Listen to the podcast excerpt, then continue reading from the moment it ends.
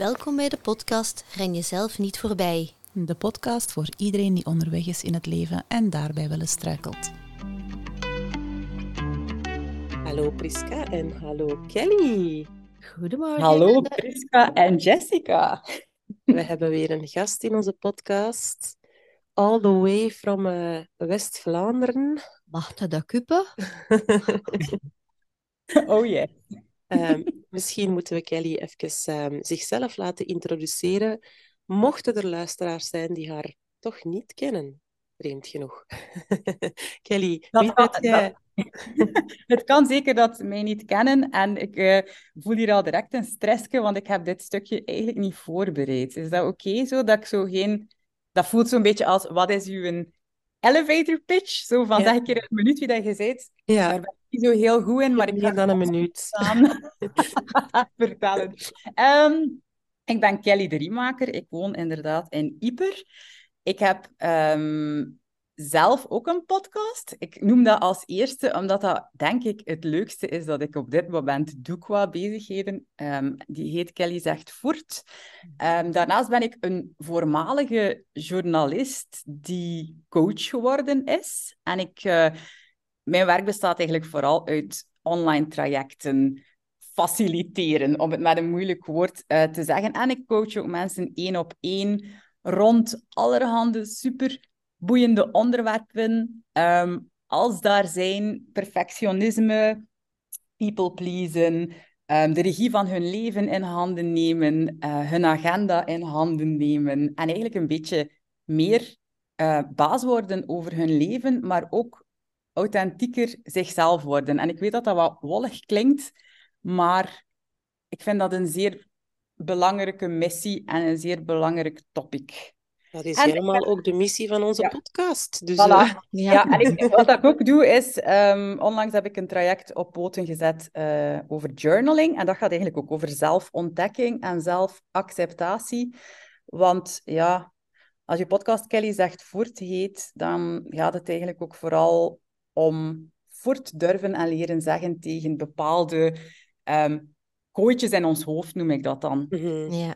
manieren waarop dat we onszelf eigenlijk vastzetten of denken dat we vastzitten, terwijl dat soms blijkt ehm, dat dat vooral een intern kooitje is. Absoluut, absoluut. En onze vorige aflevering ging over de interne criticus, dus die coach Voilà. kennen wij ook maar al te goed. Amai. Ja, we hebben zo ehm, voor een, voor een eh, intro die je niet hebt voorbereid, klonk dat heel goed. Ja, zeker. Dank u. Ja, we hebben nu voor een stukje inderdaad ook uitgenodigd omwille van ehm, het journalen.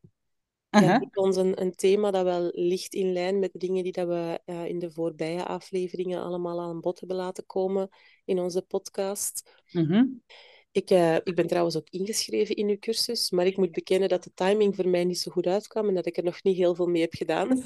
Oké, dan kan ik je direct geruststellen, mocht dat nodig zijn, Jess. Eh, er zijn nog wel mensen. Dat is zo'n Ja. traject waar, waarvan dat ik zo het materiaal over een paar weken los op de wereld. ehm, maar iedereen volgt daar zijn eigen tempo in. En ik heb bijvoorbeeld cursisten die zeggen, ik heb dat gekocht in mei en ik plat het in voor eh, december. Ja. dat vind ik helemaal goed. Dus eh, ook dat is zo'n interne deadline, hè, dat je zo bijna zou denken van als ik dat koop, dan moet ik dat direct... Of, of dan moet ik mee zijn. Mm. Ehm, maar ik ben heel blij dat je meedoet, Jess. En ik ben super benieuwd ook wat dat je eruit gaat halen. Dus laten Ja, ik dat- ook. Maar ik heb hier eh, een podcastcollega die wel al aan journaling doet. Oké. Ja, ja, klopt. Ja. Kelly, ik heb ook jouw boekje. Ehm, dat is van langer geleden, hè. Van, het, eh, van de Bullet Journal. Mhm. Ehm, en dan eh, zo eigenlijk ook begonnen toen in der tijd met eh journal hype. En allee, ik was er eigenlijk al wel langer mee bezig. En dan een beetje de structuren wat losgelaten van eh, zelf weekly systemen en zo te gaan tekenen en dat allemaal. Omdat het dan toch een beetje te tijdrovend was. Maar ehm, ja, ik doe het wel nog altijd. Ja, het helpt wel, hè. Een beetje, het is een verlengstuk van mezelf, een soort van papieren coach. Ja, bij mij is bullet, bullet journaling en journaling eigenlijk iets compleet anders. Ja, ja. Vertel. Bullet journaling is een productiviteitstool voor mij. Is Ja. echt zo je leven organiseren en plannen en reflecteren dan over de dingen die gelukt zijn en, en niet. Terwijl dat journaling voor mij echt ontdekkend dagboek schrijven is. Wat dat voor mij twee compleet verschillende dingen zijn, maar misschien niet voor iedereen. Maar ik Mm. Snap de verwarring, want ik heb natuurlijk... Ik ben eigenlijk geïnteresseerd zowel in productiviteitssystemen, maar dan met de belangrijke eh, nuance die je uit liefde voor jezelf gebruikt en niet nog, om nog flinker te Om worden. nog Ja, harder te ja. werken, ja. Ja, ehm, dus dat is één van mijn passies. Maar dat is weer je leven in handen nemen. En bullet journaling past dan daarin voor mij. Maar ehm, journaling, dus ontdekkend dagboek schrijven, gaat voor mij echt over ehm, naar jezelf kijken en hoe dat je soms door middel van je denken of bepaalde innerlijke patronen extra lijden toevoegt aan de droge materie of Mhm. de pijn die je in elk mensenleven tegenkomt. Mhm. Ehm, dus op zich is dat voor mij nog iets anders. Mhm. Ja. En hoe helpt dat u? Ehm, dat helpt mij gigantisch in die zin, ik doe dat elke dag. Mhm. En dat is geen regel die ik... eh, ik, ik zeg altijd tegen mijn cursisten ook, ehm, ik, het zijn allemaal uitnodigingen en experimenten die ik u voorschotel. Maar het is niet omdat ik elke dag kies te journalen, dat dat voor jou een regel in jouw hoofd eh, moet worden. Dat vind ik een hele belangrijke. Maar ik journal echt letterlijk elke dag met één regel. Allee, ik bedoel, ik heb één regel voor mezelf. En die regel is, ik schrijf elke dag. Ja. Maar het is al geweest dat het één zin was. En, sommige, de- en dan is die zin niet veel zin om te schrijven vandaag. Nu, dat gebeurt steeds minder, omdat ik heel veel heb aan dat journalen. Maar soms, ja, sommige dagen in een mensenleven lenen zich niet tot eh, voor een wit blad gaan zitten en eh, tijd nemen om te schrijven. Maar sommige dagen schrijf ik acht pagina's of tien pagina's. En wat doet dat voor mij? Ehm, dat is een dagelijkse check-in met mezelf eigenlijk vooral. Ik eh, vraag me af hoe ik me voel, ehm, welke verhalen ik vertel om dat gevoel misschien te overrulen, omdat ik het niet wil bekijken. Ehm, ik kijk naar wat ik denk over mezelf, ik kijk naar mijn innerlijke criticus. Ehm, en ik probeer eigenlijk vooral elke dag een lieve supporter voor mezelf te zijn en een lieve mama, bijna. Het gaat ook een beetje over, eh, in het Engels noemen ze dat reparenting. Mhm. Mhm. Dat is een belangrijk stuk voor mij. Eh, mijn innerlijk kind dat zich soms niet gezien of gekend voelt, erkennen in mijn journal en letterlijk beginnen met.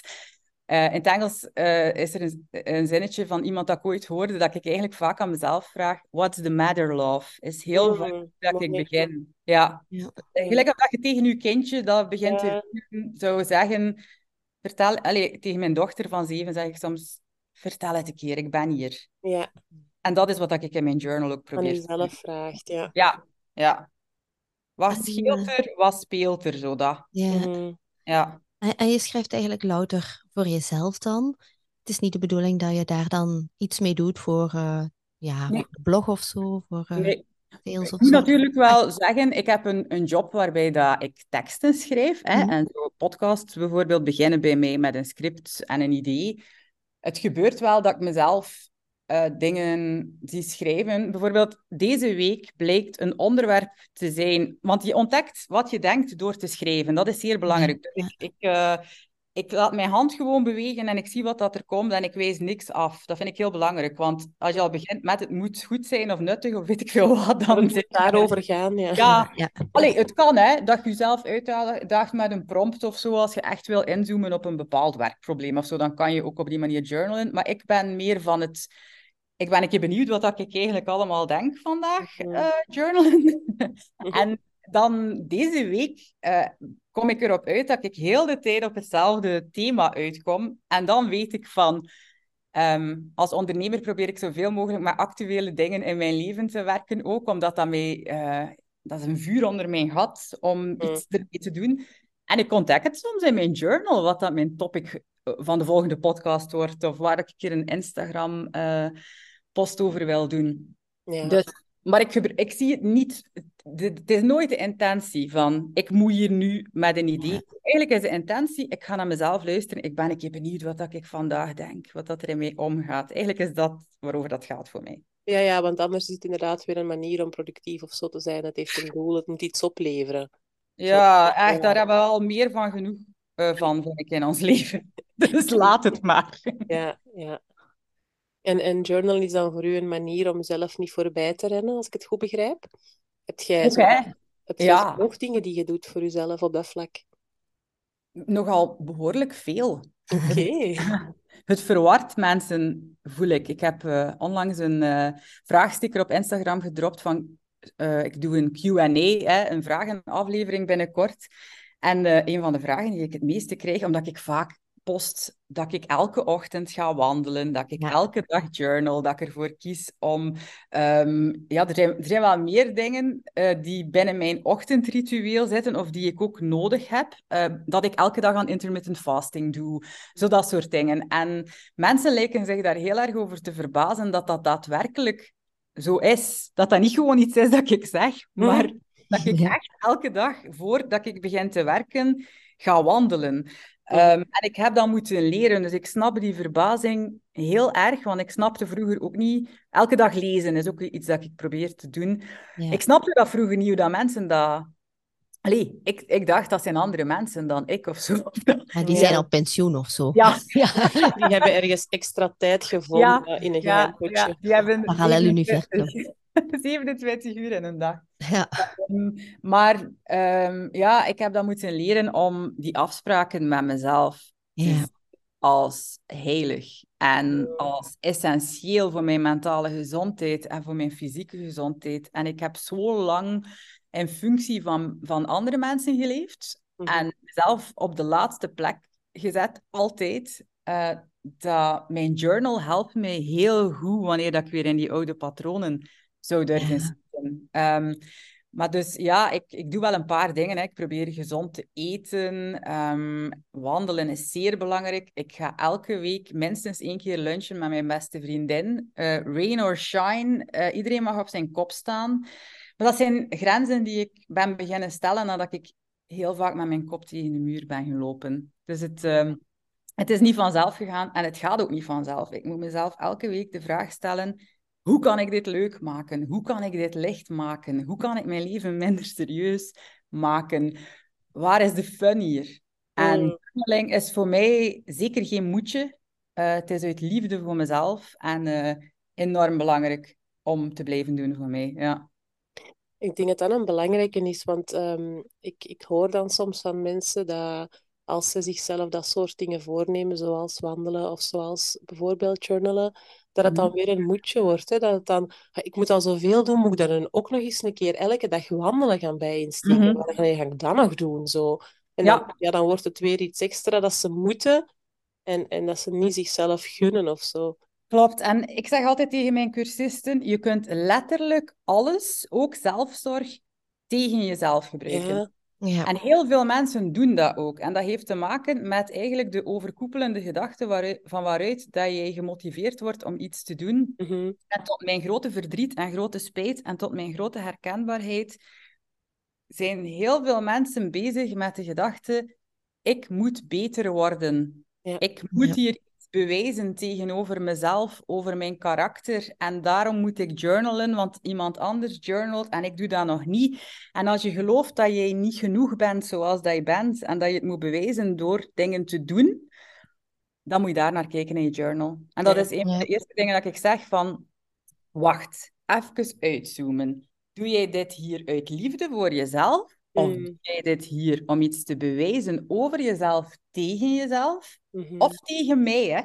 Ja. Want heel veel mensen zijn zodanig gevormd, denk ik dan. En ik ga nu de leerkrachten op mijn hals krijgen, maar het is oké. Eh, Ik ben bereid om eh, het gesprek aan te gaan. Maar ehm, ons onderwijssysteem werkt dat ook in de hand, dat wij heel vaak geleerd hebben om flink te zijn, ook voor Mhm. de juf. En ik ben voor sommige mensen in hun hoofd de juf. Ja, En ja, ik herken dat. Doe het niet voor mij. I don't give a fuck. Ik vind het wel de macht. soms afvallen voor mij, hè. Ja, Eh, Ja, en dan, ik, vind, ik snap dat, ik begrijp het, maar ik wil hen heel graag eh, wijzen, en ik- dat is een journal prompt die ik dan geef, hè, van schrijf een keer op ehm, waarom dat je zo flink wil zijn voor mij. Schrijf een keer al jouw gedachten op en kijk het een keer echt in de ogen. Ehm, kijk het monster een keer in de ogen. Je bent aan het dansen voor mij.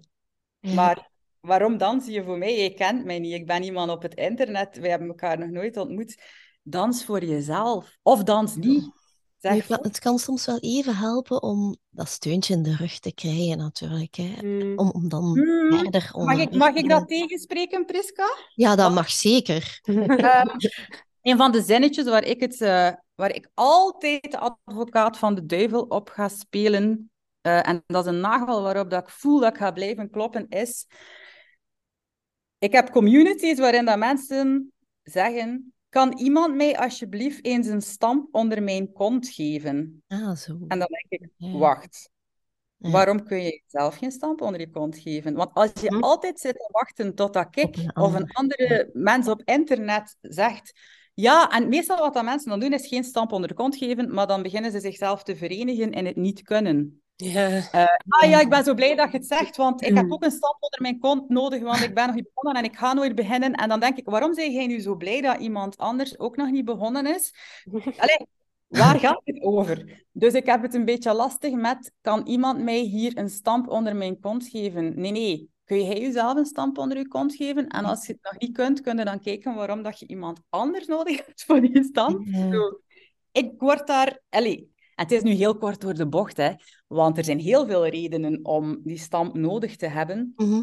Maar als je heel de tijd wacht op anderen die u die stamp geven, dan kun je jezelf ook het verhaal vertellen van ja, het is niet raar hè, dat ik het niet kan, want niemand geeft mij hier een stamp onder mijn kont. En dan denk ik, het is onze taak om onze grootste supporter te worden. Niet heel de tijd, ah ja, mijn man, die zegt niet zo, of die geeft mij hier geen eh, eh, duimpjes omdat ik die cursus heb gekocht. Dus ja, zo, dan zit Mhm. ik te wachten op de stamp onder mijn kont. ja, de stamp of de erkenning of de goedkeuring. Zo. Ja, Jess, je gaat dat waarschijnlijk ook kennen, want ik, ik ben nog gecoacht door jou. Al, ik wil Mhm. het even eh, zeggen en dat was fantastisch. Maar ik heb het zelf moeten doen. Mm. Ja.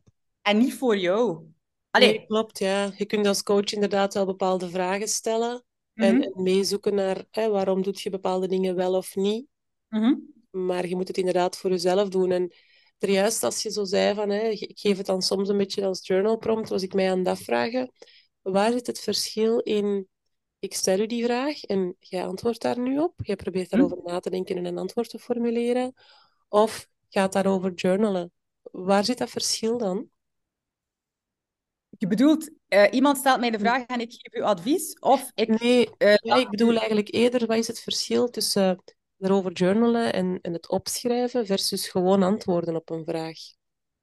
Ah, je vertraagt door met de hand op een papier te schrijven. Dat is, Mhm. eh, want heel vaak eh, zit er heel veel weerstand bij mensen die overwegen om een traject te kopen of die erin zitten. Bij een van de eerste lessen is eh, liever op papier of digitaal. Mhm. En ik, ook dat is weer een uitnodiging. Ik geef gewoon alle info en de redenen waarom ik persoonlijk niet voor digitaal zou kiezen.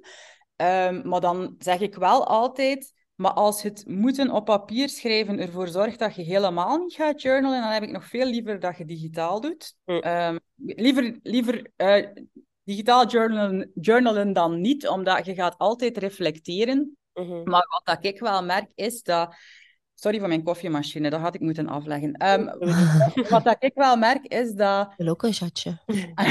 Het is super lekker. Nee, ik merk dat als we ehm, een antwoord geven in een setting, bijvoorbeeld één op één met een coach, dat we heel vaak vanuit een soort reactiviteit, of we worden misschien getriggerd door iets dat in dat gesprek gebeurt, een ander onderwerp, een, een ander antwoord geven dan als we twee uur later op het gemak even vertragen en eh, echt kijken naar wat dat we denken. Want ik geloof dat in het relationele antwoorden, dat er al van alles gebeurt tussen Mhm. mensen naar verwachtingen.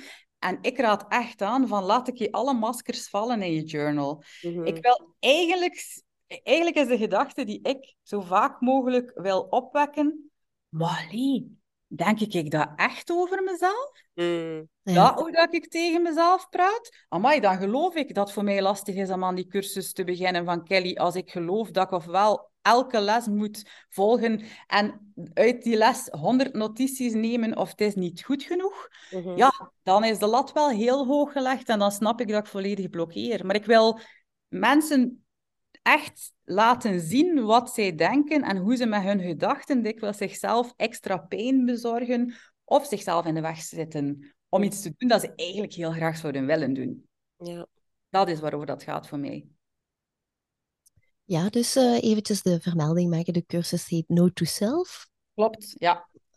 Dat is heel mooi, hè? No to Self. Hmm. Uh, het gaat eigenlijk ja, over noteren dan en zelf.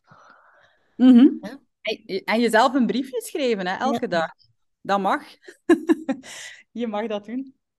Ja, dat is uh, heel mooi. Ik heb ook nog een keer bij jou een cursus gevolgd. Uh, ook een hele confronterende. Dat was de You Need a Budget. Oh, ja. We go way back. Ja, ja, dat is al van uh, enkele jaren geleden.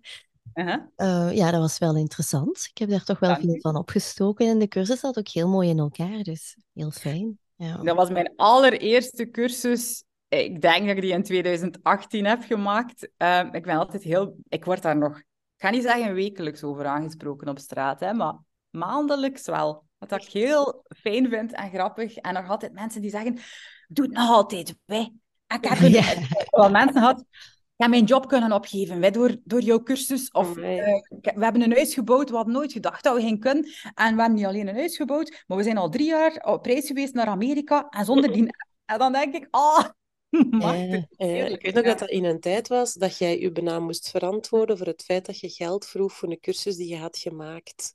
Yes. Ik, Dat uh, leerde toen zo van, wat? Niet alle content op internet is gratis of wat? Je hebt al Ja. zoveel jaren gratis geblogd, doet je dit dan niet gratis of wat? Ik Ja. herinner mij dat nog. Ja, ik ga nog een keer meer zeggen, hè, Jess. Die cursus, ik vroeg daar, denk ik, 75 euro. Dat was echt niet duur. Ik herinner me dat nog. Ik dacht, ja, En de backlash ook dat de, ik toen- de app bij, hè? Ja, ja eh, die ba- de backlash dat ik toen heb gekregen van mensen die zeiden, zeiden jij niet beschaamd, Hm. was... Allee, dat was niet de, de, de, de grote groep, hè. Mhm. Maar het was een hele andere tijd, want mensen hadden toen zoiets. Eh, je kunt een boek kopen voor 19 euro. Mhm. Hoe durf je 75 vragen voor een online traject? Ja. En ik had zoiets van, de waarde dat ik hiervoor zie is zoveel groter. Mhm. Maar Ja, dat heb ik er maal tien wel uitgehaald, hoor. Ja, ik ben blij ondertussen mijn job opgegeven, dus eh, voilà. voilà. Ik ben ook iets anders kunnen gaan doen. Super, ja. Maar ik, ik, ik denk dat we inderdaad, we, we zijn toen in een belangrijke overgang eh, gegaan, waarin dat mensen ehm, begonnen te beseffen, allee, als creators dan, om het zo te noemen, hè, als mensen die dingen maken van, kijk, eh, het is niet duurzaam om alleen maar gratis dingen te doen. Dus dan, Mhm. ga je- dan kun je ofwel beginnen werken zoals influencers doen met ehm, reclame maken, maar dat voelde voor mij helemaal Dat heb niet. je ook even geprobeerd, hè? Ja, ja, ja. En ads en zo. Ja, ja, ja, zeker. Ik heb van alles geprobeerd. Ik heb zelfs nog eh, ja, ads op mijn blog gezet en zo. Mhm, Wat dat mhm. echt heel... En ik, ik heb nog een reclamecampagne met Danone gedaan op een bepaald moment van een jaar. En ik, ik heb van alles... Allee, dus niks menselijks of niks eh, reclameachtigs is mij vreemd. Hè. En ik sta daar zeker niet weigerachtig tegenover. Maar ik heb wel zelf gevoeld dat mijn fun ligt niet in een ander zijn ehm, producten verkopen. Ja, Mijn fun ligt in... eh, eigenlijk hoe dat mijn job er nu uitziet, is letterlijk... Mensen zeggen altijd, niemand betaalt voor een podcast. Hè? En dan denk ik, heel mijn cursus bestaat uit podcasts. Ja. En, dus ik maak private podcasts en ik maak gratis content. En de eh, betalende... De mensen die dieper willen gaan met mij, Mhm. zorgen ervoor dat ik heel, he- veel meer mensen kan helpen dan alleen de betalende. Wat dat voor mij voelt als een fantastisch businessmodel. Want mensen zeggen soms, ja, maar ja, uw podcast is gewoon marketing voor uw, voor uw content die betalend is. Zo. En dan denk ik, ik zie dat eigenlijk helemaal niet zo. Ehm, ik maak heel veel gratis content. Mensen zeggen mij letterlijk, ik heb nog nooit een euro aan jou uitgegeven en jij hebt mijn leven veranderd. En Mhm. dan denk ik, wauw. En ik vind het ook gewoon heel fijn dat de mensen die het kunnen veroorloven om een traject bij mij te volgen, ervoor zorgen dat andere mensen die dat niet kunnen en die de middelen niet hebben, ehm, ook toegang krijgen tot online content, eh, tot, tot eh, gratis content van mij. En dat ik dat met alle... Allee, ik doe alles met evenveel liefde. Ja, ja, ja. Dit is gewoon een... Voor mij is dat een levensmissie. Gewoon delen wat ik te delen heb. En als het gratis zou zijn, dan was het een hobby. En dan moest ik fulltime iets anders gaan doen. En dan zou het mij niet lukken, want ik heb daar de capaciteit gewoon niet voor. Dat Nee. zou niet gaan. Dus ik vind dit een heel mooi, goed systeem, eigenlijk. Ja, tof, hè? Ja, fantastisch. Allee, dat, dat het kan, dat het internet dat mogelijk maakt. Dat, Ja. dat er ja, modellen bestaan om je onderneming eh, te doen bollen, waarbij dat ik mag doen wat dat ik onwaarschijnlijk graag doe, als in schrijven en eh, video's maken en, en mensen dingen aanbieden, en dat je daarvan kan leven, is, dat valt mij soms op mijn hoofd. Van, Mm. wauw, hoe kan dit zelfs? Ja, ja.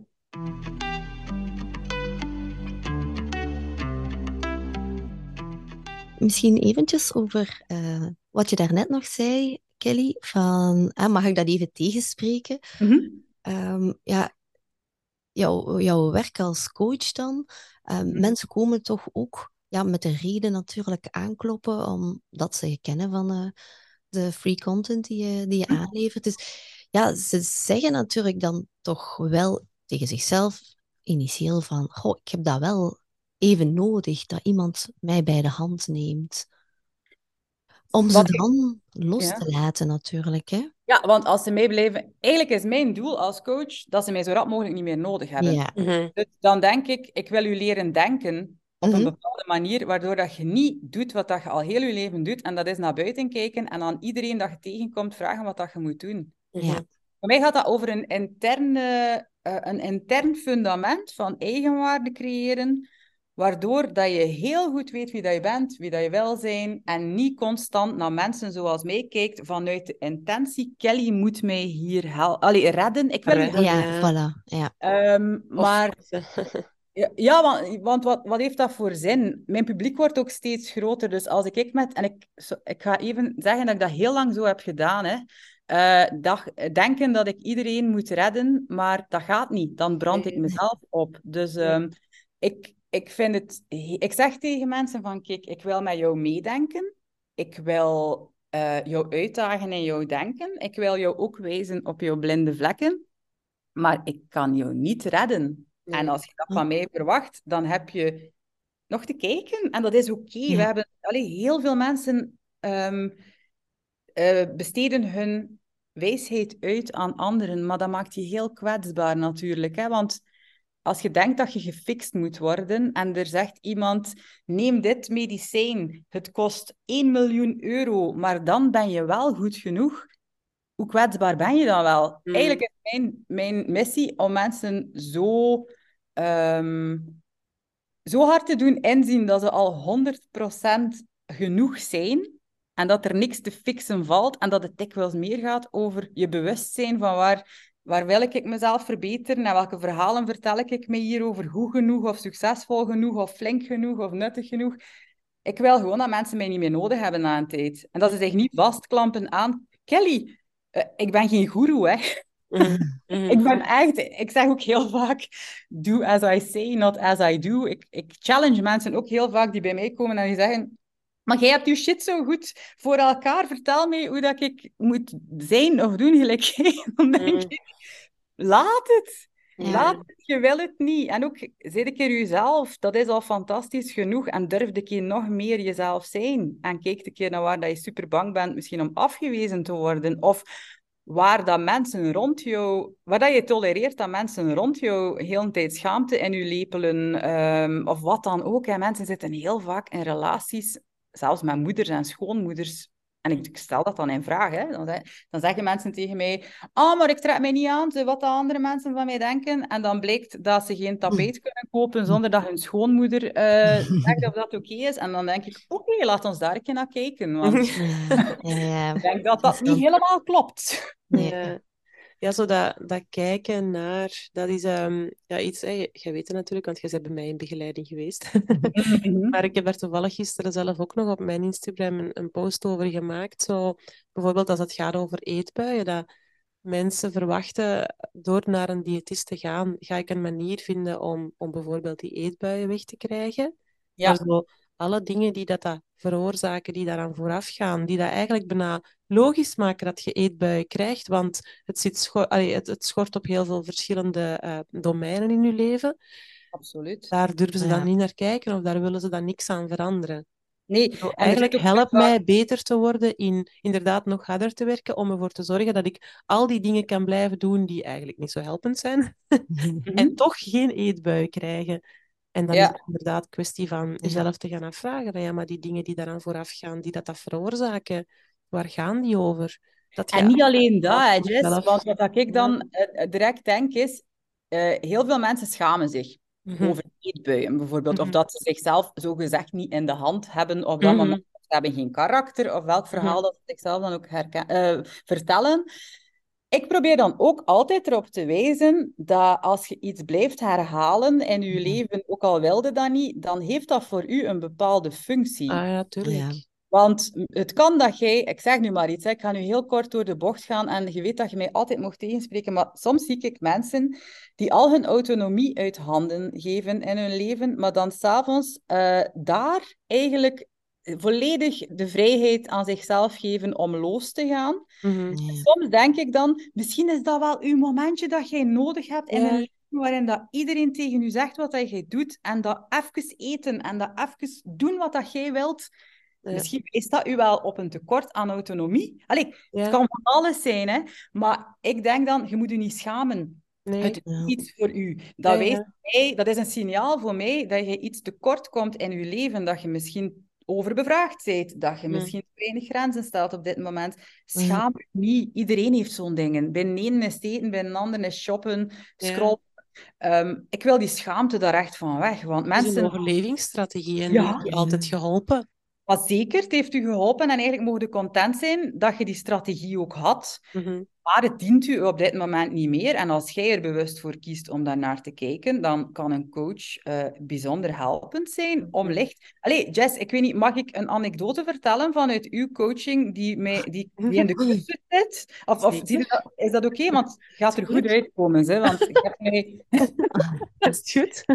Je hebt mij met één vraag, heb jij een beetje mijn leven veranderd? En met één zinnetje, en dat weten al, want ik heb het al in de podcast eh, Maar ik wil gewoon eventjes zeggen waar dat ik tegenaan liep en waar dat ik dus een volledige blinde vlek in had zelf, totdat jij mij daar als coach op hebt gewezen in een gesprek. Hè. Dus ik kom met een casus bij u aan en de casus was, ik geraak maar niet onder een bepaalde grens qua gewicht. Weet je dat nog? Zo, Zeker. ja, en, en jij zei, oké, laat ons daar een keer naar kijken, want blijkbaar gebeurt er iets bij u van zodra dat, dat cijfer op uw weegschaal staat, slaat slaat jij in paniek. En we hebben daar dan naar gekeken. En dan het verlengde was, ja, maar ja, en niet alleen dat. ehm, als ik met mijn dochter, ik neem mij dan voor om bijvoorbeeld niet te snoepen deze week of eh, geen suiker te eten of wat ik dan op dat moment mij ook had voorgenomen van regel. Hè, van dan ben ik flink Mhm. als ik erin Ja. slaag Ja. Die niet te regel. snoepen, ja, die regel. En eh, dan zei ik tegen u van ja, en dat is echt, dat lukt me supergoed. Hè. En dan ga ik met mijn dochter ergens naartoe en dan vraagt hij een ijsje. Maar ja, je kent kindjes, hè, die eten dan maar een helft van dat potje op. En dan zeggen ze, mama, ik ga spelen. En dan zetten die dat half opgegeten potje ijs voor u. En ja, ik kan geen eten weggooien, dus ik vind dat mega ambetant. En dan eet ik het zelf maar op. En dan zeg ik daarna tegen mezelf, ja, het is foutu en nu. Nu eet ik heel de week gewoon gelijk vroeger, want ik ben gefaald en ik kan het toch niet. En ik zie dan in dat potje ijs bewijs voor dat ik het niet kan. En dan Ja. zei, zei hij, oké, boeiend. Allee, ik weet niet of dat je dat zei, maar vooral tegen mij. Kun je dat nu niet gewoon wat minder handig noemen, dat je dat ijs dan eet en, de en daarna gewoon weer verder doen? Mm. Op het moment dat jij dat tegen mij zei, Jess, ik, dat viel op mijn hoofd, omdat ik toen besefte van, ik doe dat altijd en overal. Altijd, in alle situaties, heb ik een soort ideaalbeeld van mezelf en de, de wereld zelfs in mijn hoofd. En als, het niet, als de realiteit niet volledig voldoet, dan is dat voor mij bewijs dat ik het niet kan, Ja. of dat het niet gaat lukken. En dan is het gedaan. En Ja. plots dacht ik, maar als minder handig nu gewoon, dat ik dat nu voor alles zou beginnen gebruiken. En het eerst, en dan komt er een stemmetje naar boven dat zegt, nee, nee, je moet juist nog strenger zijn voor jezelf, Kelly. Je moet echt strenger zijn, want anders gaat het u niet lukken. En dan gaat op, allee, dan, als, als ik dat dan doorspoel, dan is dat, ja nee, maar als je niet streng bent voor jezelf, dan gaat je, eh, je werk niet meer goed doen en dan gaat het nog Alle zwaarder. En dan, hè, dan spoel ik door en dan zeg ik altijd tegen mijn cursisten, en je eindigt onder een brug in Parijs hè, in je hoofd. Als je ver genoeg doorspoelt, maakt je leven... Allee, je moet echt durven doorspoelen. Ja, en als je werk verliest, wat zou er dan gebeuren? Ja, dan ga ik mijn huis verliezen. Ja, en als ik dit, dit, dit, dit, dit. Ehm, en dan eindigde heel onveilig onder een brug in Parijs. Maar de realiteit is dat als je het minder handig noemt, in plaats van met een hamer op je eigen kop begint te slaan op dat moment, dan moet je s'avonds tenminste niet face first en van alles vliegen, omdat je die strenge stem wilt verdoven. Dan kun je het gewoon laten passeren. Ja. En één, ik zeg dat heel vaak, één zinnetje kan iemand zijn leven een andere richting geven. En jij hebt mij dat bewezen. Dat is super blij om. Oh, echt, dat is het een van de cadeaus van mijn leven was een inzicht dat ik nog niet had en dat jij mij hebt gegeven. Dus ik, ja, ik ga u forever grateful zijn. Echt waar. Nee, het gaat daarover. Hè. Het is niet over, geef mij zoveel mogelijk materiaal. Ik wil honderd video's bekijken. Nee, ik wil u leren denken. Ik wil u anders Ja. leren denken en kijken naar uzelf. Ja. Daarover gaat het.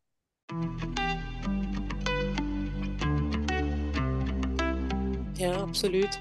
Hm? Want dat zijn zo van die dingen die we onszelf dan weer vertellen. Hè. Het moet op een bepaalde manier zijn. En Ja. anders is het niet. Ja. En, en dat zijn dingen die je dan onder andere ontdekt tijdens je ontdekkend dagboek schrijven, zoals jij het noemt.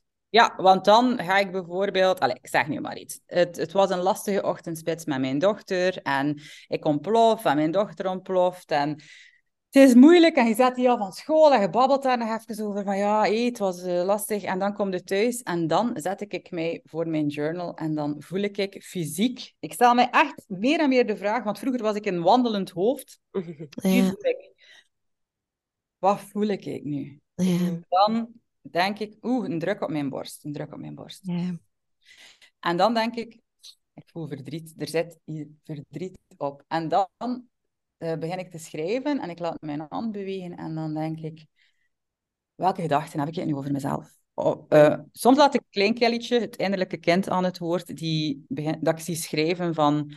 Niemand luistert naar mij. Als ik vraag om de boekentassen te pakken, dan zijn die tegen elkaar aan het praten. En dan, als ik schrijf, merk ik van, ja, dat is een oude wonde van afwijzing, die kleine Kelly op dit moment voelde bij haar kinderen. En kleine Kelly nam dat verschrikkelijk persoonlijk. En dan laat ik haar ook echt schrijven, hè, want niemand luistert hier naar mij. Als ik niet begin te roepen, dan is er niemand die mij hoort. En dat is ik op niveau vijf jaar. Ja. En heel vaak willen we daar niet naar kijken, want we vinden dat een beetje gênant. Die, kin die zogenaamd kinderachtige of gefrustreerde of wat dan ook gedachten. Maar dat is wel waarover dat gaat, hè, dat kleine Kelly zich gewoon niet gehoord voelt en dat persoonlijk neemt. En eh, Kelly van 41 kan dan rationeel wel weten dat, mij, dat die kinderen van 7 en 11 dat niet zo bedoelen. En dat dat niet gaat over niet graag gezien worden door uw kinderen. Maar zeg maar zeker dat Kelly van 5 dat echt zo voelt en dat mijn lichaam dat ook aangeeft. Mhm. En dat ik in het rood ga op de momenten dat eh, er niet naar mij wordt geluisterd. En voor mij gaat dat dan over mezelf ook eh, een bepaalde zachtheid meegeven, die ik aan mijn eigen kind ook probeer te geven. En, en dat gaat weer over ween maar, Mhm. eh, wees maar, voel maar. Heb maar verdriet. Misschien heb je nog nooit verdriet mogen voelen van jezelf, omdat ze altijd hebben gezegd van, mocht, het is zo erg niet en er is altijd Mhm. iemand die moeilijker heeft. Of boos zijn, ook echt boosheid voelen en dat Ja. opschrijven en denken, eh, waarom ben ik nu zo boos? Welk verhaal zit er hierachter? Vind ik echt dat mijn kinderen altijd moeten luisteren? Allee, waarom vind ik dat? Moeten mijn kinderen flink zijn, terwijl dat ik hier een traject voor mezelf aan het uitstippelen ben en minder flink zijn? Zo, ik, ik stel mezelf heel vaak in vraag, hè, maar niet vanuit oordeel. Altijd vanuit liefde. En dat vind ik Ja. mega essentieel in dit verhaal. Van, ik ben al genoeg. Ik ben 100% liefde waard. Ik besef het nog niet altijd. En dan begin ik te dansen voor eh, beren die eigenlijk gevaarlijk voor mij zijn. Mhm. Dus people pleasen. En voor mij, je, je wilt dat de beer u graag ziet, dus je begint te dansen gelijk een halve zot, ook al voelt het niet. Maar in mijn journal zie ik het. Ik doe het nog vaak, hè, want maak u geen illusies. Hè. Mensen denken dat ik mijn leven voor elkaar heb. Ik moet nog altijd heel goed kijken wanneer dat ik begin te dansen om graag gezien te worden. Ja. Maar in mijn journal zie ik het. En de volgende keer doe ik het weer. En dan zeg ik, oh, eigenlijk gaat het over een nieuwsgierige observator van jezelf en je acties. Eh. Daarover gaat dat voor mij. Van, mo, kijk nu naar Kelly. Ze krijgt hier telefoon van iemand van vroeger en ineens speelt ze een heel ander rolletje. Mo, wait, wat gebeurt er? Ja, en daar dan inderdaad op dat moment niet over oordelen, maar Nee. compassie hebben voor dat stukje van jezelf dat terug in dat mechanisme schiet. Voilà. Ja, en dat echt te leren voelen, dat is zo belangrijk en dat doen we zo weinig. Mhm. Alles passeert gewoon doorheen je lichaam en wat dat je ook beschreef van die fysieke sensaties Mhm. en die gewaarwordingen die dat dan opwekt, mensen weten dat niet, ze voelen dat niet meer. Ze, Mm. Maar nee, je bent afgesneden heel Ja. vaak om allerhande redenen van je lichaam. Hè? Ja, Mhm. ja. En ik, ik heb dat heel lang gehad. Ik zei echt van, ik weet niet meer wat ik wil. Ik weet ook niet wat ik voel. Ik ben niet... Voel, ik voel eigenlijk niks. En Ja.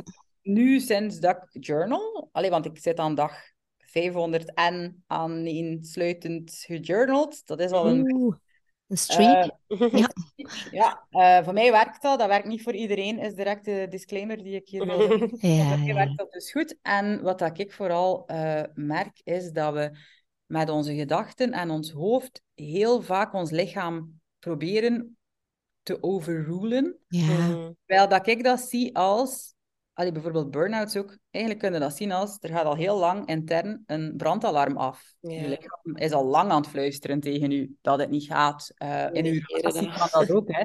Eh, maar je luistert gewoon niet, want met je gedachten zeg je, om het gaat nog.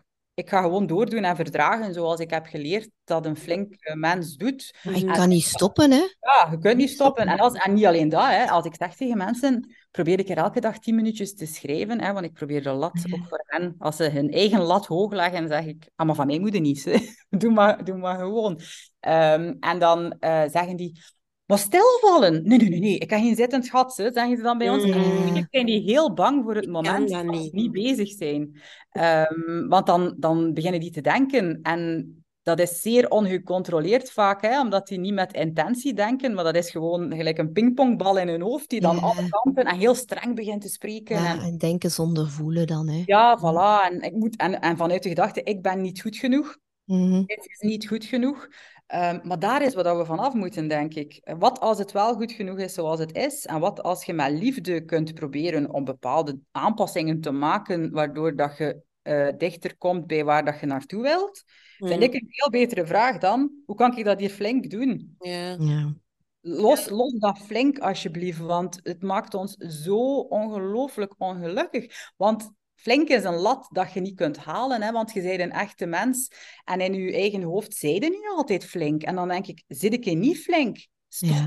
Zit ik hier boos? Zit ik hier gefrustreerd? Zit ik hier verdrietig? Durf ik hier uw verdriet voelen? Ook als uw man zegt, oh, maar ik kan daar niet tegen, zoals je weent. Dan denk ik, Kijk een keer naar de boodschap die jij krijgt en die je tolereert, dat jouw partner jou afwijst en liefde wegneemt op het moment dat jij je gevoelens durft te tonen. En Ja, als durft je het te hardste nodig hebt eigenlijk ja. zelfs. Maar mensen kijken heel de tijd weg en we verdoven en we, we willen het niet gezien hebben en het is niet waar en we overroelen het. En op korte termijn is dat fantastisch. Alleen met eten is dat ook zo. Hè? Op korte termijn worden En met bewegen. Ja. Ja, maar het probleem op lange termijn is, en dat is wat dat, waar dat uw cliënten eh, bij u komen, denk ik, Jess, ehm, Mhm. je, neemt het je neemt het basisprobleem niet weg door Mhm. te verdoven en je creëert een nieuw probleem op de weegschaal of in alcoholverslaving of eh, Ja. ja, op andere vlakken. Dus je hebt eigenlijk twee problemen. En ze worden niet gemakkelijker, hè? ze worden alleen maar lastiger. Ja, en wat ik ook weg- zie, is zo, dat probleem dat je dan creëert, bijvoorbeeld op de weegschaal, dat wordt een bliksemafleider, waardoor je niet meer hoeft Ja. te kijken, ook niet naar dat eerste. Hè? Dat klopt. Dat is echt zo waar. Want... En wat we ook heel vaak doen is, omdat we zo bang zijn om echt te kijken, eh, gaan we zo hard focussen op, maar ik weet niet hoe ik dit moet aanpakken en zo blijven draaien in gedachten van het gaat toch niet lukken en ik kan het niet. En dat heeft ook de functie van het niet moeten aanpakken, omdat aan de slag gaan met je Jess, je- hoe dat je het ook draait of keert en wat voor goede coach dat jij dan ook mag zijn, maar dat is kwetsbaar, hè? Tuurlijk. Want het, je weet het niet of dat het u gaat lukken. En voor mij maakt het niet uit of het lukt. Ik, ik zeg altijd, het gaat mij over de betekenis dat je geeft aan Mhm. al dan niet lukken. Want al dan niet lukken is ook maar gewoon een beslissing. Hè? Wat betekent dat zelfs? Als Ja. iemand... eh allee, jij weet ook dat de, de uitslag kun je niet helemaal controleren. Hè? Allee, Nee. Hoeveel dat iemand afvalt, ik denk niet dat je daar... Dat is niet dat je daar 100% je geld op kunt inzetten, denk Nee, ik. nee, geen, eh, niet de vrede geld ja. teruggarantie. Ja. Ja. Maar eigenlijk denk ik dan, maar wat leerde uit deze ervaring? Stel nu dat iemand door u gecoacht wordt en die valt letterlijk geen kilo af, maar die heeft ongelooflijk veel geleerd over bepaalde patronen, dan denk ik, misschien is dat wel het succes van uw leven. Ja. Allee, dat kan, hè? Ja, en dat is soms een lastige, want ik heb een tijdje geleden iemand gehad die een, een vijftal kilo wou kwijtraken en die was in een half jaar traject gestapt. En op het einde van het traject zo, het begon te naderen en zij had het gevoel van, eigenlijk heb ik ingezien dat die vijf kilo het probleem niet is en ik voel me Mm. eigenlijk goed in mijn vel gelijk dat ik ben en ik hoef dat helemaal niet te doen en mijn eetpatroon is eigenlijk helemaal niet zo slecht en, en eigenlijk was alles goed. Maar haar man vond dat ze had betaald voor niks. Want ze was haar Oh. vijf kilo niet Mm. kwijt. Ja, ja, ja. Terwijl dat dat ik denk, Ja, oh, mensen zitten nog nee. steeds in een Ja. context die bekrachtigt wat dat ze zichzelf vroeger vertelden. En Ja. het lastige is dat ze er op een duur bijna terug in begon te geloven. Hè? Oh, dat is zo ja, natuurlijk. En dat gaat weer over dat intern fundament van wat Ja. geloof jij. Ja. Want ik zeg altijd, iedereen kan om het even welke mening hebben over jou of wat dat je doet. En niet alleen dat, iedereen kan om het, op, om het even welk moment die mening over jou en wat dat je doet veranderen. Dus als je heel een tijd eh, eh, allee, uw, uw veiligheid bijna richt op het oordeel van, en de mening van andere mensen, dan zijn je een bootje op een wilde zee. Ja. Mhm. Maar dat Dat gebeurt is niet te vaak, hè. In Ja. zo'n traject, Ja. het gaat dan niet om vijf kilo of om vijf kilometer. Het gaat eh, om helemaal iets anders, hè. Mhm. Dat gaat dat over, over inderdaad... En- Ja, wat, wat, wat geloofde jij over... Voor mij gaat het jezelf, is, wat is genoeg? Wat Mhm. is Mhm. genoeg? Want als ik, ik met al mijn mensen dat ik begeleid tot op de basis probeer te geraken van maar waar gaat het over, is mijn conclusie meestal dat de, de gedachte die hun leven bepaalt is, en dat is een bril die je op hebt, zeg ik soms, het is niet genoeg en ik ben niet genoeg. Mhm.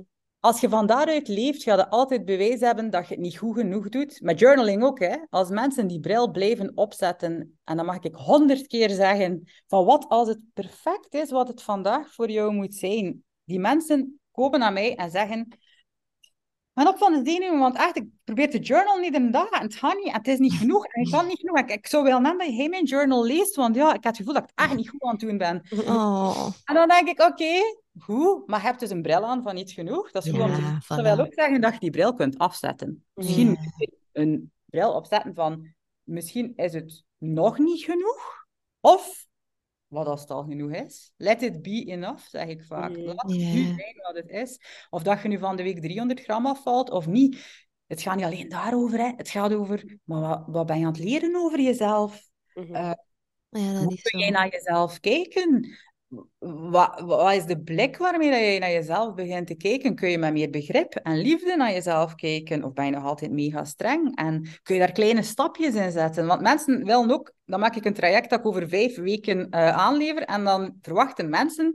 Ah ja, maar binnen vijf weken heb ik nooit nog negatieve gedachten Ja. over mezelf. Ik ga nooit meer bang zijn. Ehm, mijn man gaat nooit meer dingen zeggen die mij raken. Ik ga nooit meer zin hebben in spaghetti bolognese met veel kaas.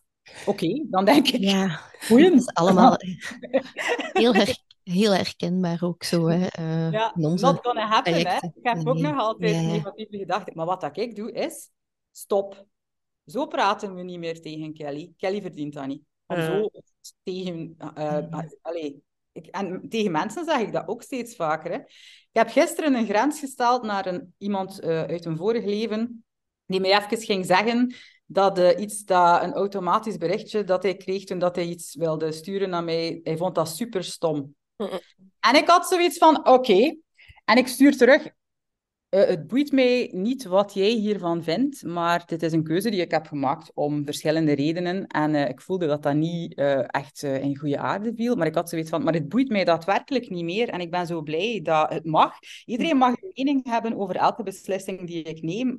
Maar de vraag is niet, wat vind jij van wat ik doe? Maar de vraag is, wat vind ik van wat ik doe? Ja, Ja. ja, En dan mag iedereen hier op zijn kop gaan staan. Maar als iemand zegt, ik vind dat mega belachelijk wat dat jij doet, denk ik, dank u wel om mij te tonen hoe dat jij naar mij kijkt. Mhm. En meer moet ik niet weten. Als je dit belachelijk vindt, dan kun je... En dat is zo iemand die dan zou sturen, oh, ik zie u zo graag, of ik... eh. En dan denk ik, maar dat voelt niet als liefde. Dus, Mm. eh, eh, Oké, als jij mij belachelijk vindt omdat je een automatisch berichtje teruggestuurd krijgt. Thank you for the information. En vroeger ging ik denken, hoe kan ik dat hier goed maken? Ik ben belachelijk. En nu denk ik, maar ik ben niet belachelijk. Jij vindt mij belachelijk. Dat is een heel belangrijke nuance. En ik ben blij dat ik het weet dat je mij belachelijk vindt. Mhm. Ehm, dat je maar zoveel krediet ook hebt voor mij. Of dat je mij voorwaarden oplegt ook. Hè, van, als je mijn liefde nog wil, dan moet je stoppen met zo belachelijk te zijn. Ja. Oh, maar dat wil ik. ik wil plaats. Oh, Als je dat waar. doet. Ja, en sorry, maar als ik dan denk, oké, dit was belachelijk, ik ga mij aanpassen om de liefde van deze mens te krijgen. En straks kom ik iemand tegen die zegt, ik vind uw oorbellen mega belachelijk. Mhm. Maar dan blijf ik bezig. Hè? En dat is Ja. wat dat ik gedaan heb tot nog niet eens zo lang geleden. En waar dat ik dodelijk vermoeid van geworden ben. Omdat ik wist niet meer wat dat ik wilde. Ik keek gewoon Ja. heel de tijd naar buiten en ik dacht, wie moet ik vandaag voor jou zijn? Oké, dan zet ik deze goed op. En dan zo... Arme mijn- chameleon. Ja, sorry, maar ik, ik doe het niet meer.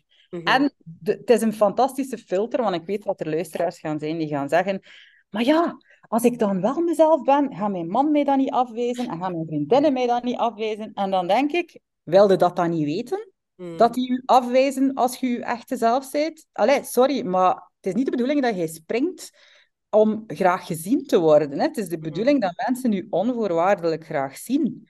En ze filteren zichzelf er wel uit. Hè? Allee, op Instagram, eh, hoe meer dat ik mezelf ben, hoe meer volgers dat ik verlies en hoe meer Ja. volgers dat ik win. En dan denk Ja, ik, maar, ja. ja, goed.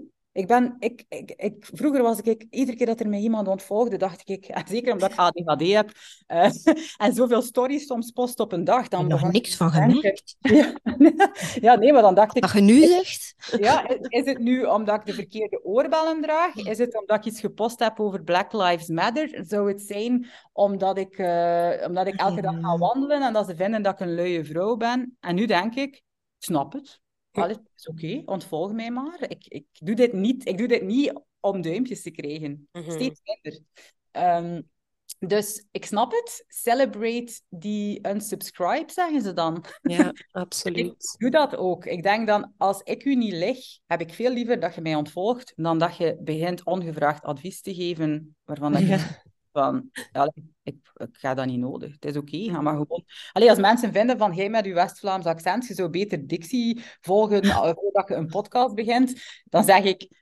Maar er zijn duizend podcasts met mensen die properder praten dan ik. Dus als Properder. dan schoon. free. Maar ja, maar het is ook gewoon zo. En als je niet tegen rost haar kunt, pakt iemand met zwart. Allee, vroeger dacht ik, allee, wat moet ik nu doen om graag gezien te worden door u?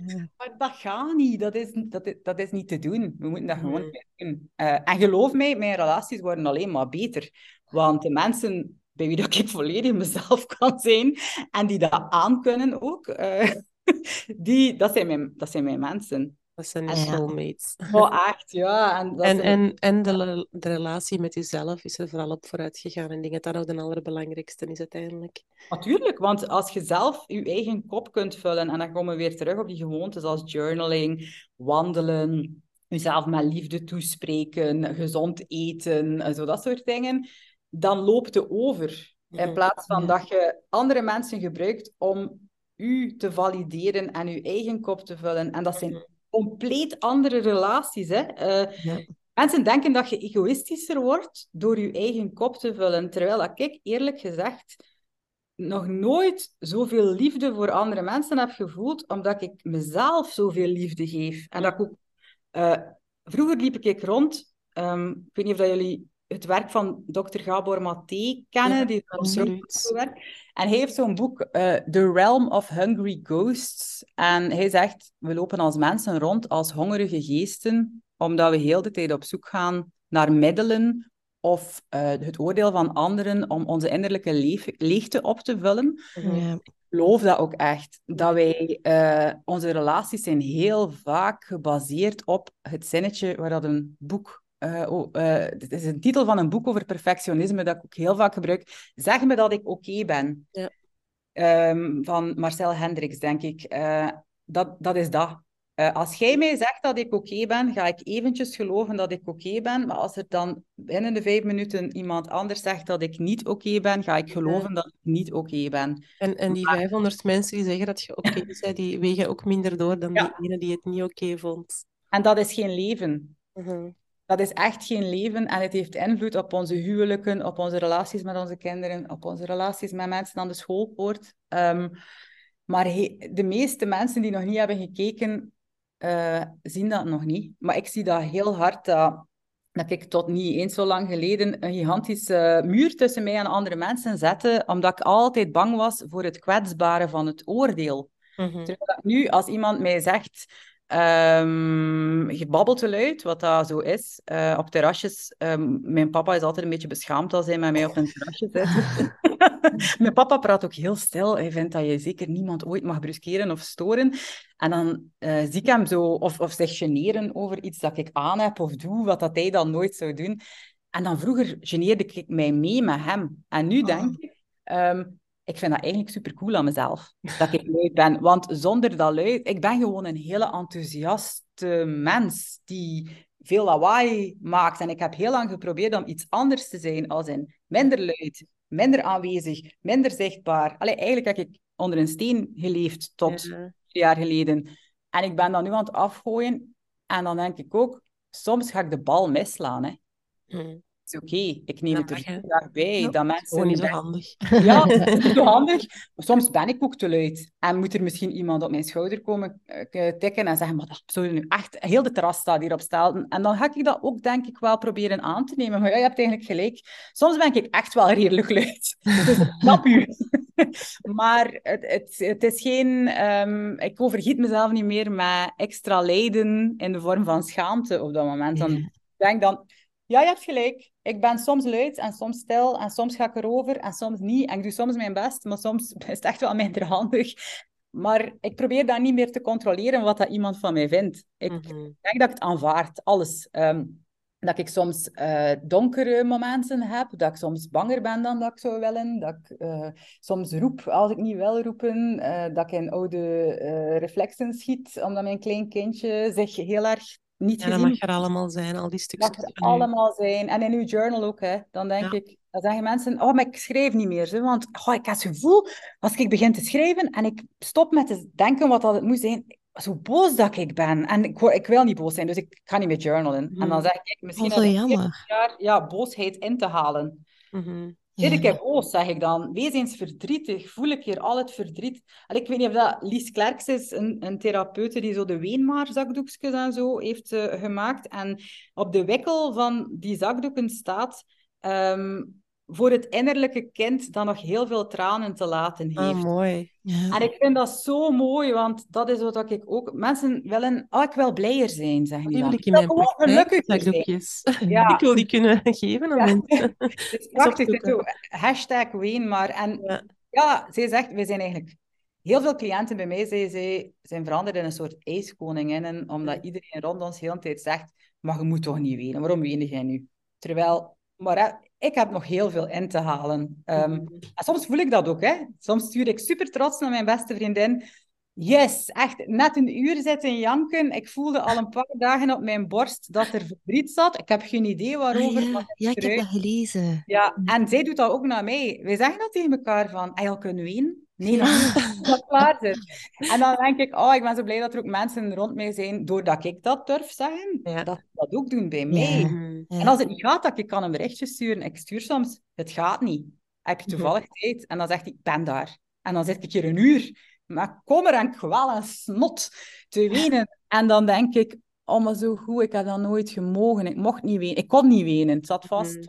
Ehm, maar dan is het ook wel weg. En dan kan ik met heel veel compassie naar mezelf kijken en zeggen, het was moeilijk hier voor jou. Dit is moeilijk voor jou. Mhm. Dat je je niet gezien voelt, dat je niet gehoord voelt, dat je het gevoel hebt dat mensen jou negeren. Dat is een oude wonde. is En dat gewoon doet ook heel- heel- pijn. Fysiek Ja. ook functioneel uithuilen. Er zit eh, Mhm. stresshormoon in de, in de tranen. Mhm. Die ga je op die manier eigenlijk eh, Ja. Mhm. een beetje uitscheiden. Hè? Dus, Ja. eh, Ja, en ik vind dat er daar niks is om je over te schamen. Gewoon het, het feit dat we onszelf dat verhaal vertellen, vind ik een hele boeiende om op te journalen. Van waarom schaam je je voor je tranen? Ze, ze, ze hebben een signaalfunctie. mm, ja.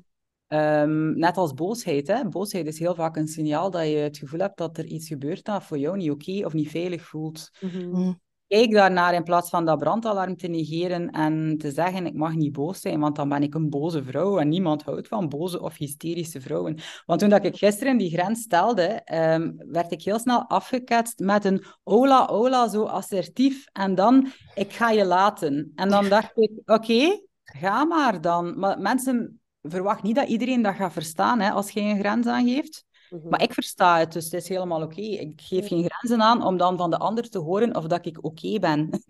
ik ben oké. Ehm, ik kies ervoor om niet in te gaan op bepaalde dingen die, eh, van schaamte of van schuld. Die op- En dat wil niet zeggen dat ik niet opensta voor feedback. Hè. Eh. Zeker niet. Ik kan heel goed naar mezelf kijken nu. Maar niet meer vanuit... ah, ehm, wat kan ik hier verbeteren om bij jou eh, op een goed blaadje te staan? Ik, ik, ga niet, ik ga gewoon mezelf proberen te zijn. En als je mij leuk vindt, welkom in mijn eh, atmosfeer. En niet, dan zijn er zoveel goede podcasts Ja. Dus, allee, sayonara, denk ik dan bijna. En met liefde, ik, ik neem niemand het kwalijk als ze mij niet leuk vinden. Ik weet niet of dat ik mezelf elke dag leuk vind. maar ehm, het is oké. Ik zoek geen bewijs van dat ik waardevol ben als mens bij iemand anders. Ja. En dat is belangrijk, denk ik.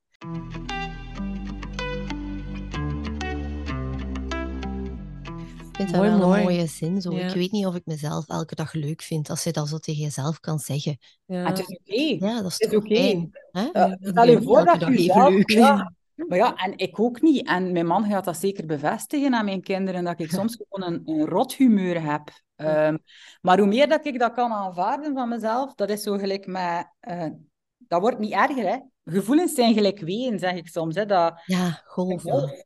Mhm. maar vond als dat mooi in de laatste af, allee, voorlaatste aflevering over de verdovingsstrategie heb je die metafoor ook gebruikt van de weeën. Ja. Vond ik een hele mooie zo. Ja, want Jess, ik weet niet, met honger is dat ook zo toch? Allee, bij mij is dat toch zo? Ik had altijd het gevoel van als ik een klein beetje honger had, dat ik direct iets moest eten. Ja, ja. Als ik dacht dat die grafiek volledig tot ondraagbaar zou gaan Ja. van Terwijl dat blijkt dat als je even honger toelaat, dat dat ook weer zakt. Mhm. Dat is, alles, dat is met veel dingen zo.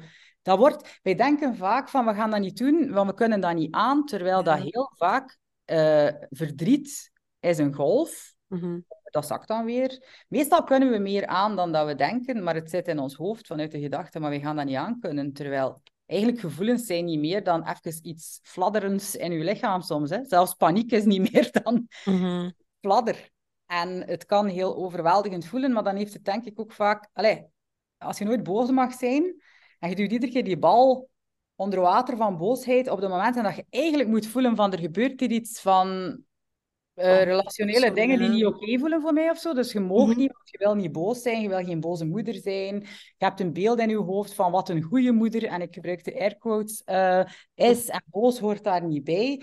Dan ineens zijn je armen zo moe van die bal onder water te houden dat je explodeert. En dan, Ja. dan gaat het niet alleen... Dan, dan gooi je nog een emmer schaamte erbovenop, want wat voor een slechte moeder zei jij nu? Mhm. denk dan, het is wel heel begrijpelijk, hè, als je al maanden je boosheid onder het wateroppervlak aan het houden bent en plots worden getoucheerd in een oud zeer, dat het er dan uit moet. Ja. Ik begrijp dat van mezelf en ik vind het niet leuk, dus ik probeer daaraan te werken, maar niet vanuit, jij moet hier zo snel mogelijk eh, een betere moeder worden of een beter mens. Het gaat over zelfbegrip ook voor mij, voel ik heel erg. Van, vroeger zei ik, hoe is dat nu toch mogelijk? Zij je niet beschaamd? Kelly toch, echt. Iedereen vindt u belachelijk of weet ik veel wat. En nu denk ik, het is ook gewoon niet zo gemakkelijk natuurlijk, vanuit alles dat jij mee hebt gemaakt. En, Ja. en allez, je weet wel, vanuit je kindertijd. En, dus dit is niet zo makkelijk voor jou. Maar ik zie wel dat je je best doet. Ik zie dat je kijkt. Ik, ik, eh, ik ga jou hier ondersteunen op de best mogelijke manier. En ik ga dat niet meer met hardheid, maar met zachtheid doen. Ja, Want met liefde. Ja, uit liefde. Als een kind leert lopen en het valt, zeg je toch ook niet hoe, wat voor een stommerik zei hij. Dan zeg je toch, kom, ik ga jou recht helpen en we gaan een keer kijken en ik ga jouw hand vasthouden en misschien gaat het te snel. En, maar we doen dat wel heel de tijd tegen onszelf. Hè. Mhm. Dan, Dit moet beter, hè? Amai, wat voor een loser hij. En heel vaak zijn we ons niet bewust van die gedachten en denken we dat we helemaal niet zo'n strenge gedachten hebben. En dan, als je ze opschrijft en je ziet ze staan, Mhm. dan denk je, "Ah, ik zou dat toch nooit tegen mijn vriendin zeggen als die met hetzelfde zou komen. Dit is echt... Allemaal aan de journal. Ja, ik Ja, denk dat kan dat... aanraden. Ja, ik Ja, denk... ik doe eh, wel maar eh, één of twee lijntjes per dag. ja. Ja, ik doe Maar ik ga wel eens eh, langer gaan proberen. Ja. Ja, want mag ik nog een kleine... Want ik weet dat we even bezig zijn, ik weet niet of dat jullie nog tijd hebben, maar mag ik nog een klein advies meegeven? Zeker, zeker. Heel Voor onze luisteraars. Ja, een advies voor de luisteraars. Wacht, hè. ik zoek een melodietje. Yes. Heel vaak hebben mensen een verhaal in, in hun hoofd dat journaling draait om nog dankbaarder worden. En wat gebeurt er dan? Eh, want we, gratitude, gratitude journals zijn lang een dingetje geweest. Hè? Je weet wel, elke dag drie Mhm. dingen opschrijven waar dat je mega dankbaar voor bent. Mhm. En dan voelen die zich mega verdrietig of boos of van alles. Maar dat mag niet, hè? want we moeten vooral dankbaar zijn. Positief. Dus wat doen we dan? Eh, zitten we onszelf op te draaien in onze journal en dan schrijven mensen op, ja, ehm, maar ik ben mega dankbaar voor het dak boven mijn hoofd en het feit dat er elektriciteit beschikbaar is in mijn huis. En dan, eigenlijk is dat een vorm van spiritual bypassing noemen ze dat. Als, in, eh, als ik maar kijk naar alles dat goed gaat en ehm, manifesteer en zo, weet Ja, ja. dingen, Ja. dan moet ik niet kijken naar het eh, iets donkerdere schaduwkantje in mezelf. En dan, als je niet kijkt, dan gaat het gewoon overgaan. Mhm. En ik, als ik de dankbaarheidsreflex zie opduiken, van ja, maar ja, ik moet vooral dankbaar zijn. En de, de, het zinnetje dat daar dan achter zit is, want ik ben niet dankbaar genoeg. Mhm. Eh, dan denk ik, oké, misschien moet je stoppen met dankbaar zijn en moet een keer beginnen voelen waar dat je veel te veel tolereert in je leven. Ja. Eindelijk. En waar dat je denkt dat je niet boos mocht zijn en gefrustreerd en jaloers en verdrietig, want je aanvaardt dat kantje niet bij jezelf, wat Mhm. dat ervoor zorgt dat je het bij andere mensen ook niet aan kunt. En dat heeft ik weet veel invloed op je relaties en ook de relatie met jezelf. En dan denk ik, oh, super tof, dankbaar zijn. Maar misschien zijn je al genoeg dankbaar geweest. Mhm. En je beginnen kijken naar waar dat je eigenlijk jezelf al heel een tijd aan het overrulen bent. Iedere keer dat je verdriet voelt als je man zegt van, "Wat, huh, heb je een cursus journaling gekocht? Wat voor een belachelijk bullshit. Allee, Mhm. dan moeten wij dankbaar zijn voor ons huwelijk. En dan denk ik, soms is dankbaarheid ook een middel om mensen te onderdrukken. Heel de tijd zeggen, wat vrouwkes, zit ik er dankbaar zeg. Allee, eh, jullie zitten hier misschien wel in een systeem van, eh, van patriarchaat, waar dat je, ik weet niet veel nadeel bij hebt, en sommige mensen wat minder. Maar ja, vrouwen moeten dankbaar zijn, hè, want anders zijn ze hysterisch of boos, en dat aanvaarden wij niet. Dus hier, uw, gratitude journal. En ik wil iedereen daar zo rap mogelijk van af, want ik denk dan, Nee, ja, dat is weer die toxische positiviteit eigenlijk. Ja. dan, het is tijd om boos te zijn, denk ik. Ja. Ik zeg dat vaak ook in mijn calls. We gaan eraan beginnen, want wij hebben onwaarschijnlijk veel werk te doen.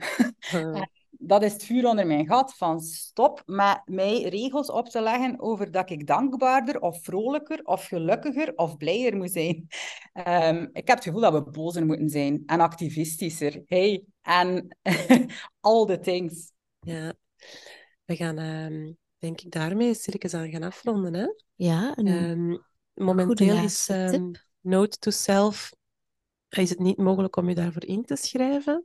Maar ik denk dat er misschien wel al een wachtlijst is of zo. Of waar mensen die eventueel interesse hebben in toekomstige eh, rondes van dat trajectje zichzelf kunnen opzetten.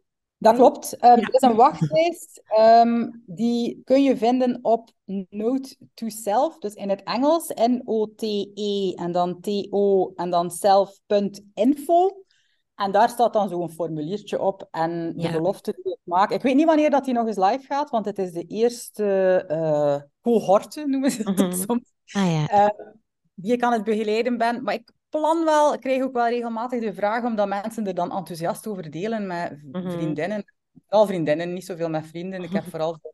Ehm, dus ik, denk wel dat ik hem binnen een, een eh, paar maanden ten laatste wel nog eens ga openzetten. En dan krijg je daar een mailtje over. Dus dan Oké, weet je het. tof. allen Ja. erheen. Als ehm, mensen geprikkeld zijn om ook misschien wat meer te leren over journaling.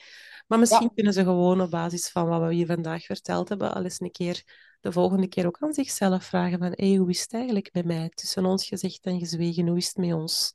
Ja. Zo mooi. Ja. Tussen ons gezegd, gezwegen vind ik ook een heel mooie titel voor zo'n traject. Ah, ja. Wel, ik eh, ga ook credits geven. Where You, die heb ik zelf van Elke Smeets, waarbij ik de module ehm, Mindful Self-Compassion heb gevolgd in mijn postgraduaat. Ik vind die ook heel Ja, ik vind mooi. dat heel mooi. Ja. Ja. En maak het, maak het niet te moeilijk. Voilà. Leg je lat wel lager. Ja. Ja. Ja, dat zijn ehm, thema's die ehm, zowel in u als in onze podcast regelmatig terugkomen. Ja. Dus ja, heel mooi. Ehm, wij willen u heel erg bedanken, Kelly, om eh, te gast te zijn in onze aflevering. ja, heerlijk. Helemaal vanuit de Westhoek naar Ja. Limburg en terug.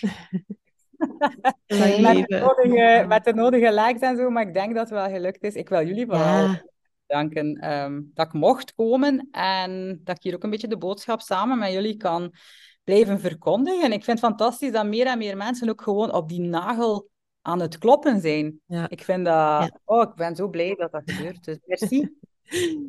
Heel fijn. eh, tot later. ja, tot later. Ja, Bedankt. Dag.